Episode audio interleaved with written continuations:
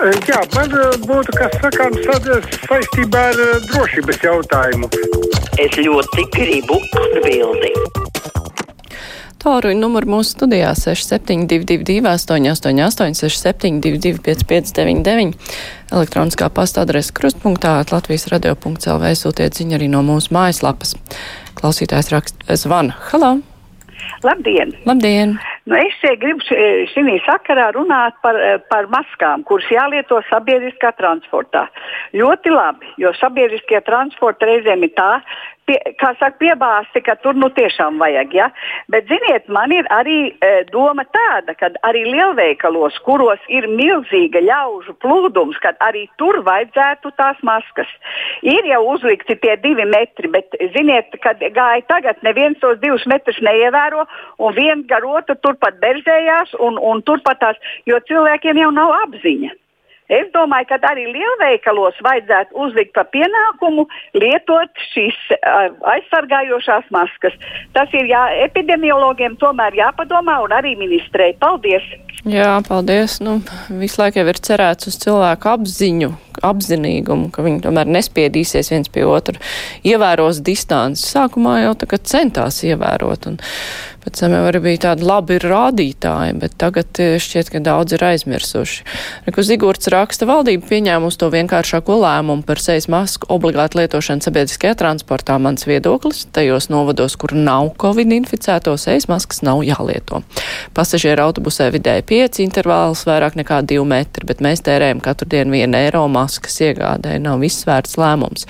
Rīgā tas ir citādi, bet pie tā pasažieru blīvuma šīs sejas maskas neglābs. Lēmums jāpieņem katrai pašvaldībai atsevišķi, bet tikai ārkārtas situācijā valdībai. Tāds viedoklis ir Zigurtam.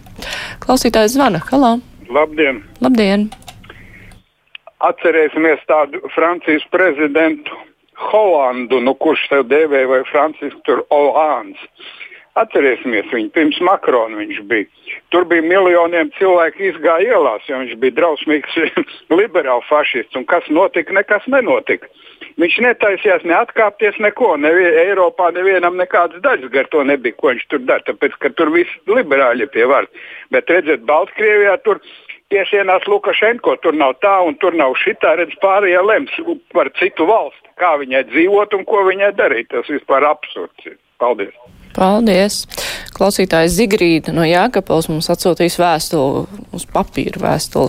Viņa raksta, ka viņa internetu nav lietojusi un tagad viņai ir problēmas saistībā ar atkritumu, par norēķiniem par atkritumiem. Kādreiz viņa gada beigās noslēdz līgumu, samaksāja pa visu nākamo gadu un tagad kārtība mainījusies. Tā, tā kā viņai nav internetu, viņai sūta papīra rēķinu no Rīgas eh, pa pastu un rēķinos mainās tikai datumi, tur tās naudas izteiksmē nekas nemainās, bet toties ir jāpiemaksā par to sūtīšanu.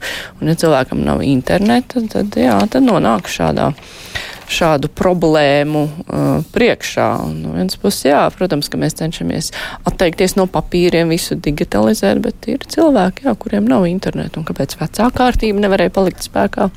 Arī jautājums. Klausītājs zvana. Halo! Uh, halo, labdien! Runa par to problēmu. Ja, bija radiniekam diskusija.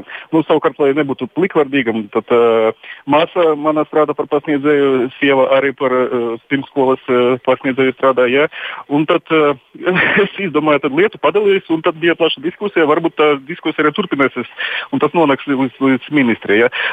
Skatieties, tad mums ir talantīgi 11 klasnieki un 12 klasnieki, ja, kuri savukārt uh, turpinot mācīties, var arī pasniegt savā, turpat savā skolā, piemēram, pēdējās divas stundas pasniegt piecklassniekiem, ja, to matemātiku, to pašu fiziku, ja, un, uh, protams, ka viņi izlaidīs, piemēram, piemēram uh, dabas zinības vai vēsturi, ja, bet viņi var nodot nelielus testus nedēļas gala, lai šie priekšmeti arī netiktu aizmirsti. Ja. Tad īsi sakot, dot tiem uh, 11 klasniekiem, 12 klasniekiem iespēju nopelnīt strādājot skolā, piemēram, uz puslodzi, ja, un uh, 2, 4, 6 stundas nedēļā, lai viņi aizvietotos aizgājušos vecus skolotājus, kuri baidas strādāt turpmāk. Kaut kā tā, ja jūs sapratat to ideju, jā, paldies. Nu jā, nu ideja interesanta, bet es nezinu, gan vai tas strādā. Tur jau mēģinājums papildināt skolotāju rindas ar studentiem, kur vēl nav izmācījušies, vai arī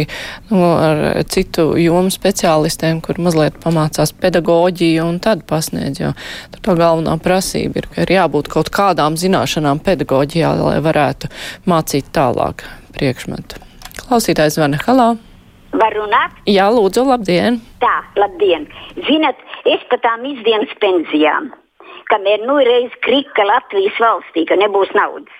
Ja, bet kādreiz Il Ilze Viņķele bija labklājības ministrija, tad tajā laikā mums pielika 9 gadi, no 55, 64.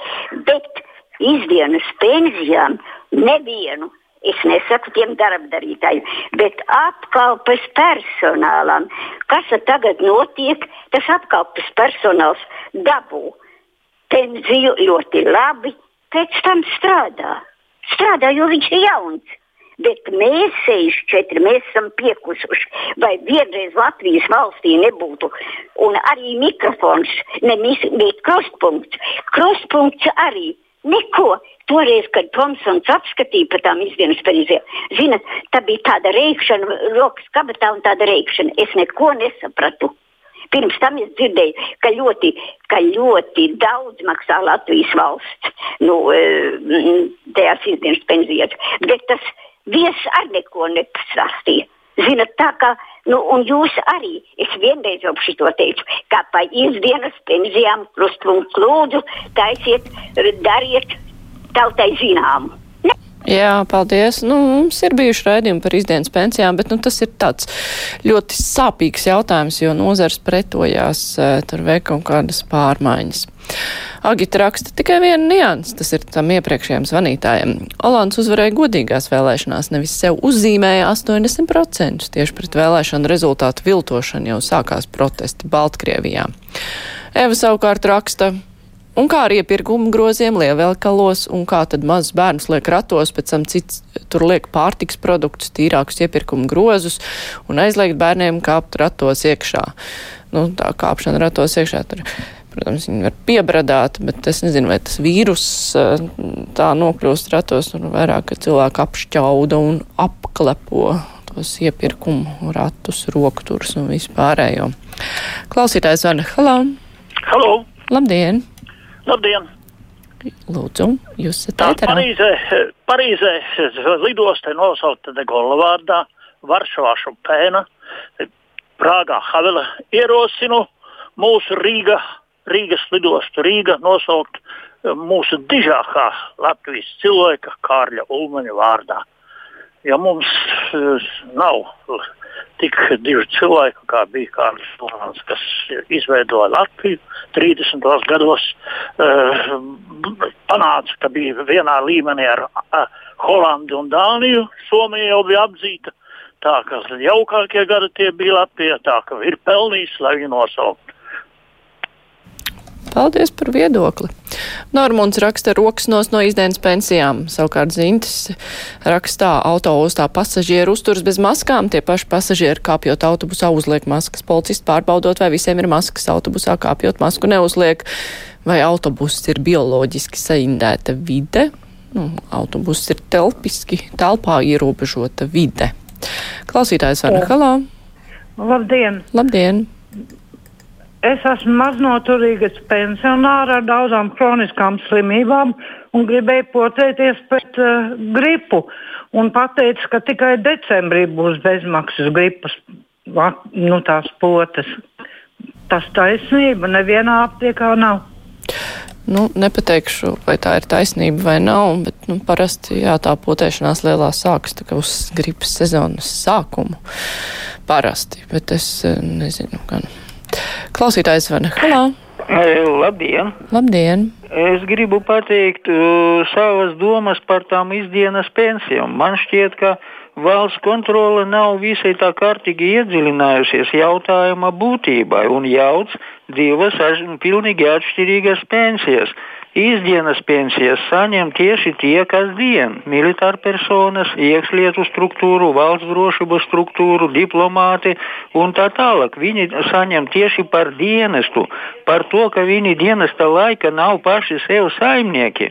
Un lai uh, viņam izietu uz, dien, uz izdienas pensiju, nemaz nav obligāti zaudēt veselību un, un, teiksim, un vai ko. Tā ir kompensācija, lai cilvēki aizejot pensijā var teiksim, veltīt sev pašam laiku. Bet cita lieta ir pensijas pirms termiņa tiem, kas nevis dienēja, bet strādāja. Balēta mākslinieki un tā tālāk, kuri, bija, kuri tur bija smagajos darbos un tā tālāk. Ot tiem jā, tur jākārto lietas un tur jābūt kārtībai. Bet izdienas pensijas, kas saņem tie, kas, nu, teiksim, dienēja jau nevarēja tā saņemot pāveli, atteikties, teiksim, bija spiesti pat sava brīvajā laika, brīvdienas atvaļinājuma laika, visu mūžu, 25 gadu laika dienēt, nevis strādāt. Tad... Jā, paldies, nu, sapratām jūsu domu. Vēl klausītājs zvana halā.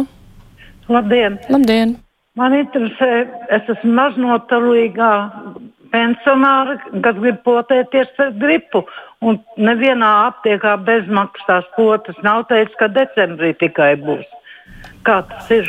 Nu, reku, mums citi klausītāji raksta, ka viņi ir nopirkusi gripas poti par 71 centu tagad aptiekā. Tā kā nav taisnība, ka pošu nav, tā ir dezinformācija. Nezinu, varbūt ir cita situācija, ja grib pilnīgi bez maksas. Klausītājs zvana halā. Labdien, brīvais mikrofons! Jā, labdien!